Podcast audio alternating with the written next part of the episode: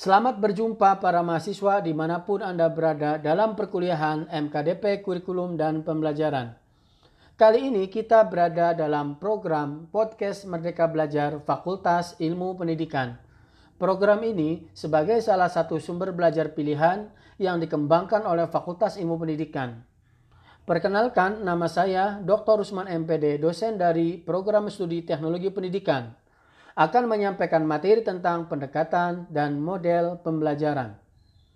Capaian pembelajaran yang ingin dicapai dari penyampaian materi ini adalah yang pertama, menjelaskan pengertian pendekatan, model, strategi, dan metode pembelajaran. Kedua, menguraikan jenis-jenis pendekatan, model, strategi, dan metode pembelajaran. Ketiga, memilih jenis-jenis pendekatan, model, strategi, dan metode pembelajaran sesuai dengan karakteristik materi dan tujuan pembelajaran. Dan keempat, menyusun skenario pembelajaran. Selamat mendengarkan. Baiklah para mahasiswa, kita mulai saja materi hari ini tentang pendekatan dan model pembelajaran. Apa yang dimaksud dengan pendekatan, model, strategi, dan metode pembelajaran? Ya, tepat sekali. Pendekatan pembelajaran dapat diartikan sebagai titik tolak atau sudut pandang kita terhadap proses pembelajaran yang merujuk pada pandangan tentang terjadinya suatu proses yang sifatnya masih sangat umum. Di dalamnya mewadahi, menginspirasi, menguatkan, dan melatar belakangi terjadinya proses pembelajaran. Model pembelajaran juga dapat diartikan kerangka konseptual yang melukiskan prosedur yang sistematis dalam mengorganisasikan pengalaman belajar untuk mencapai tujuan belajar tertentu dan berfungsi sebagai pemandu bagi para perancang atau desainer pembelajaran dan para pengajar dalam merencanakan dan melaksanakan aktivitas kegiatan belajar. Menurut Joyce and Weil, model pembelajaran adalah suatu rencana atau pola yang dapat digunakan untuk membentuk kurikulum atau rencana pembelajaran jangka panjang untuk merancang bahan-bahan pembelajaran dan membimbing pembelajaran di kelas atau di luar kelas. Strategi pembelajaran dapat diartikan sebagai perencanaan yang berisi tentang rangkaian kegiatan yang didesain untuk mencapai tujuan pendidikan tertentu. Menurut David, ada dua makna dalam pengertian strategi pembelajaran, yaitu yang pertama, Strategi pembelajaran yang merupakan rencana tindakan termasuk penggunaan metode dan pemanfaatan berbagai sumber daya atau kekuatan dalam pembelajaran. Yang kedua, strategi pembelajaran disusun untuk mencapai tujuan tertentu. Menurut Kemp, strategi pembelajaran adalah suatu kegiatan pembelajaran yang harus dilakukan guru dan siswa agar tujuan pembelajaran tercapai secara efektif dan efisien. Sedangkan metode pembelajaran atau learning method adalah suatu proses penyampaian materi pembelajaran kepada peserta didik yang dilakukan secara sistematis dan teratur oleh seorang guru.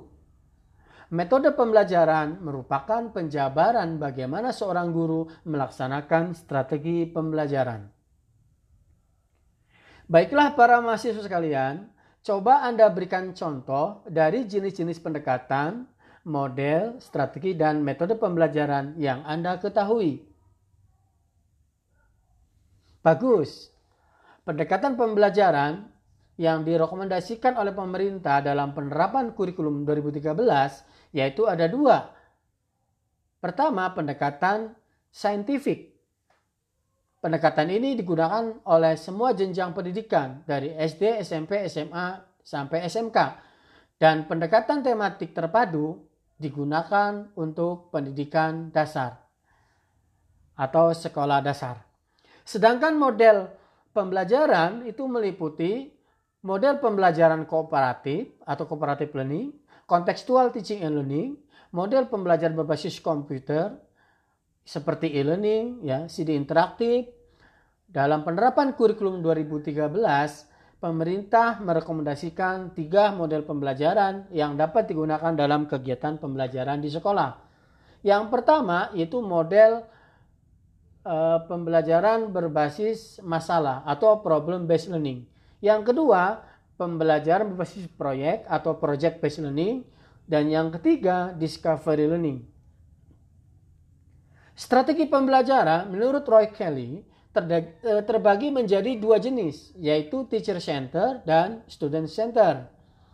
Teacher center itu menurunkan pembelajaran langsung atau direct instruction, pembelajaran deduktif dan pembelajaran ekspositori. Sedangkan student center itu menurunkan strategi pembelajaran inquiry discovery dan pembelajaran induktif. Sedangkan jenis-jenis metode pembelajaran itu dibagi menjadi tiga kelompok. Yang pertama berdasarkan pemberian informasi. Contohnya seperti ceramah, tanya jawab, dan demonstrasi. Yang kedua berdasarkan pemecahan masalah. Seperti contohnya adalah metode diskusi, curah pendapat, inquiry, panel, simposium, problem solving. Sedangkan yang ketiga berdasarkan penulis, uh, penugasan. Contohnya metode latihan, resitasi atau penugasan, permainan, simulasi, sosiodrama, dan praktek lapangan. Nah, selanjutnya apa yang harus diperhatikan dalam memilih model, pendekatan, strategi, dan metode pembelajaran? Bagus. Sebelum menentukan model, strategi, pendekatan, metode pembelajaran yang akan digunakan dalam kegiatan pembelajaran, ada beberapa hal yang harus dipertimbangkan guru dalam memilihnya, yaitu yang pertama, pertimbangan terhadap tujuan yang hendak dicapai. Pertanyaan-pertanyaan yang diajukan adalah yang pertama, apakah tujuan pembelajaran yang dicapai berkenaan dengan kompetensi KI 1 yaitu sikap spiritual, KI 2 yaitu sikap sosial, KI 3 yaitu pengetahuan dan KI 4 yaitu keterampilan atau yang sering kita kenal dengan domain kognitif, afektif dan psikomotorik. Lalu yang kedua pertanyaannya bagaimana kompleksitas tujuan pembelajaran yang ingin dicapai? Dan yang ketiga, apakah untuk mencapai tujuan itu memerlukan keterampilan akademik, Nah itu tiga pertanyaan. Selanjutnya yang kedua, pertimbangan yang berhubungan dengan bahan atau materi pelajaran.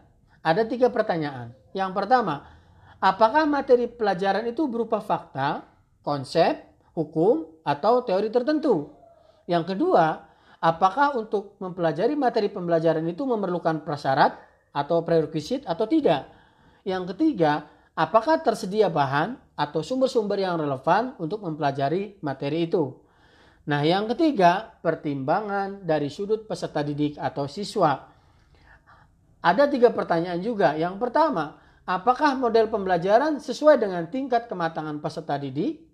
Yang kedua, apakah model pembelajaran itu sesuai dengan minat, bakat, dan kondisi peserta didik? Yang ketiga, apakah model pendekatan strategi metode pembelajaran itu sesuai dengan gaya belajar peserta didik tersebut?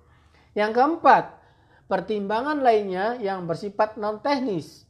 Ada beberapa pertanyaan, yaitu pertama adalah untuk apakah mencapai tujuan hanya cukup dengan satu model, pendekatan, strategi, metode saja?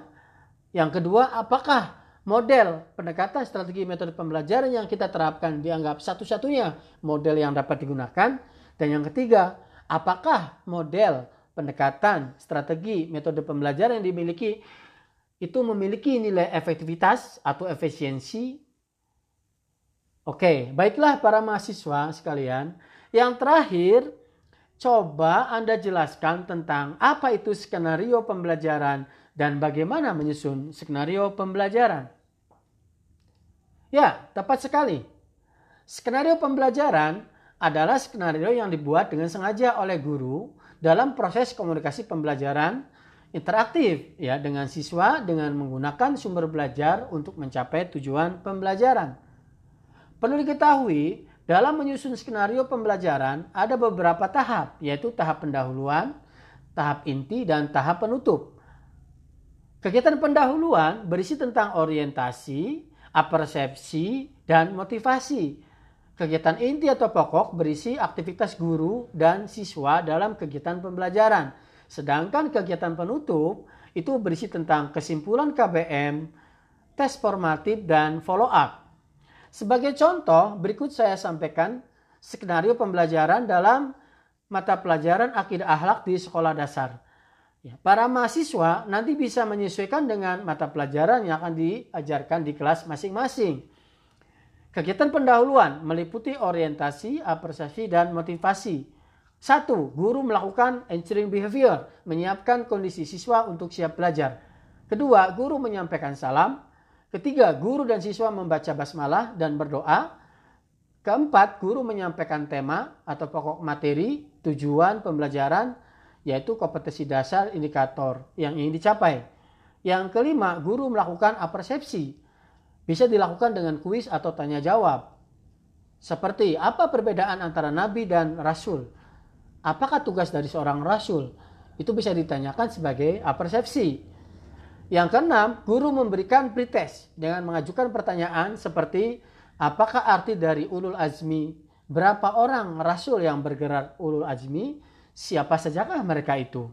Yang ketujuh, guru memberikan motivasi kepada siswa tentang pentingnya materi atau tema atau pokok bahasan yang akan diberikan.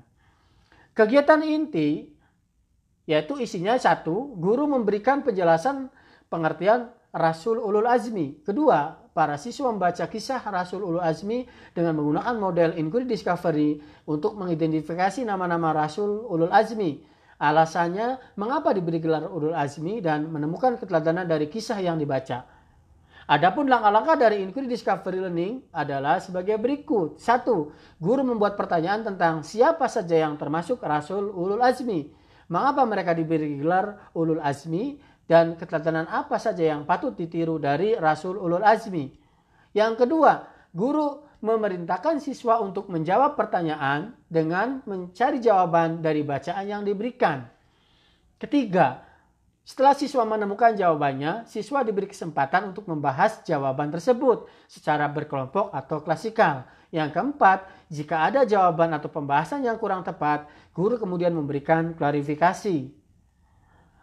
Yang ketiga, guru memberi kesempatan pada siswa untuk menanyakan hal-hal yang belum dipahami dari materi yang telah dijelaskan. Yang keempat, guru menjelaskan kembali materi yang belum dipahami oleh siswa dengan memberikan contoh-contoh menekankan pada hal-hal yang dianggap penting. Kegiatan penutup. Satu, guru dan siswa menyimpulkan kegiatan pembelajaran. Dua, kemudian guru melakukan evaluasi secara lisan Tiga, guru memberikan penilaian terhadap ketercapaian tujuan pembelajaran. Keempat, guru menyampaikan follow up atau tindak lanjut dengan memberikan tugas untuk membaca tema atau pokok materi yang disampaikan pada pertemuan berikutnya. Yang kelima, guru menutup pembelajaran dengan membaca hamdalah. Baiklah para mahasiswa sekalian, sebagai kesimpulan, dalam kegiatan pembelajaran, sebaiknya seorang guru harus merencanakan terkait penggunaan metode, pendekatan, dan model pembelajaran dalam kegiatan pembelajaran yang dituangkan dalam rencana pelaksanaan pembelajaran. Guru harus memahami berbagai macam model, pendekatan, strategi, dan metode pembelajaran, dan juga karakteristik masing-masing dari model, strategi, pendekatan, dan metode pembelajaran tersebut. Berikut juga mampu menerapkannya dalam kegiatan pembelajaran. Sehingga kegiatan pembelajaran lebih variatif, lebih menarik, lebih bermakna, lebih menantang bagi peserta didik dan kegiatan pembelajaran tidak membosankan karena guru menggunakan multi metode, multi model, multi strategi dan multi pendekatan dalam kegiatan pembelajaran. Jadi pembelajaran lebih efektif dalam mencapai tujuan pembelajaran yang telah ditetapkan secara maksimal. Saudara mahasiswa, demikianlah paparan materi tentang pendekatan dan model pembelajaran. Semoga dengan pendeng uh, mendengarkan penjelasan tadi Anda semakin paham berkaitan dengan pendekatan dan model pembelajaran yang tadi disampaikan. Sehingga dapat membantu Anda untuk memahami lebih dalam tentang materi ini. Saya ucapkan terima kasih Anda telah mendengarkan podcast Pendidikan Merdeka Belajar Fakultas Ilmu Pendidikan Universitas Pendidikan Indonesia. Jika masih ada pertanyaan, silakan Anda dapat follow akun Instagram at underscore UPI. Untuk teman-teman mahasiswa yang ingin melihat video pembelajaran, dapat juga mengunjungi channel YouTube Fakultas Ilmu Pendidikan. Saya Dr. Rusman MPD, undur diri. Terima kasih atas perhatiannya. Saya akhiri Bilahi topik wa hidayah. Wassalamualaikum warahmatullahi wabarakatuh. Sampai jumpa.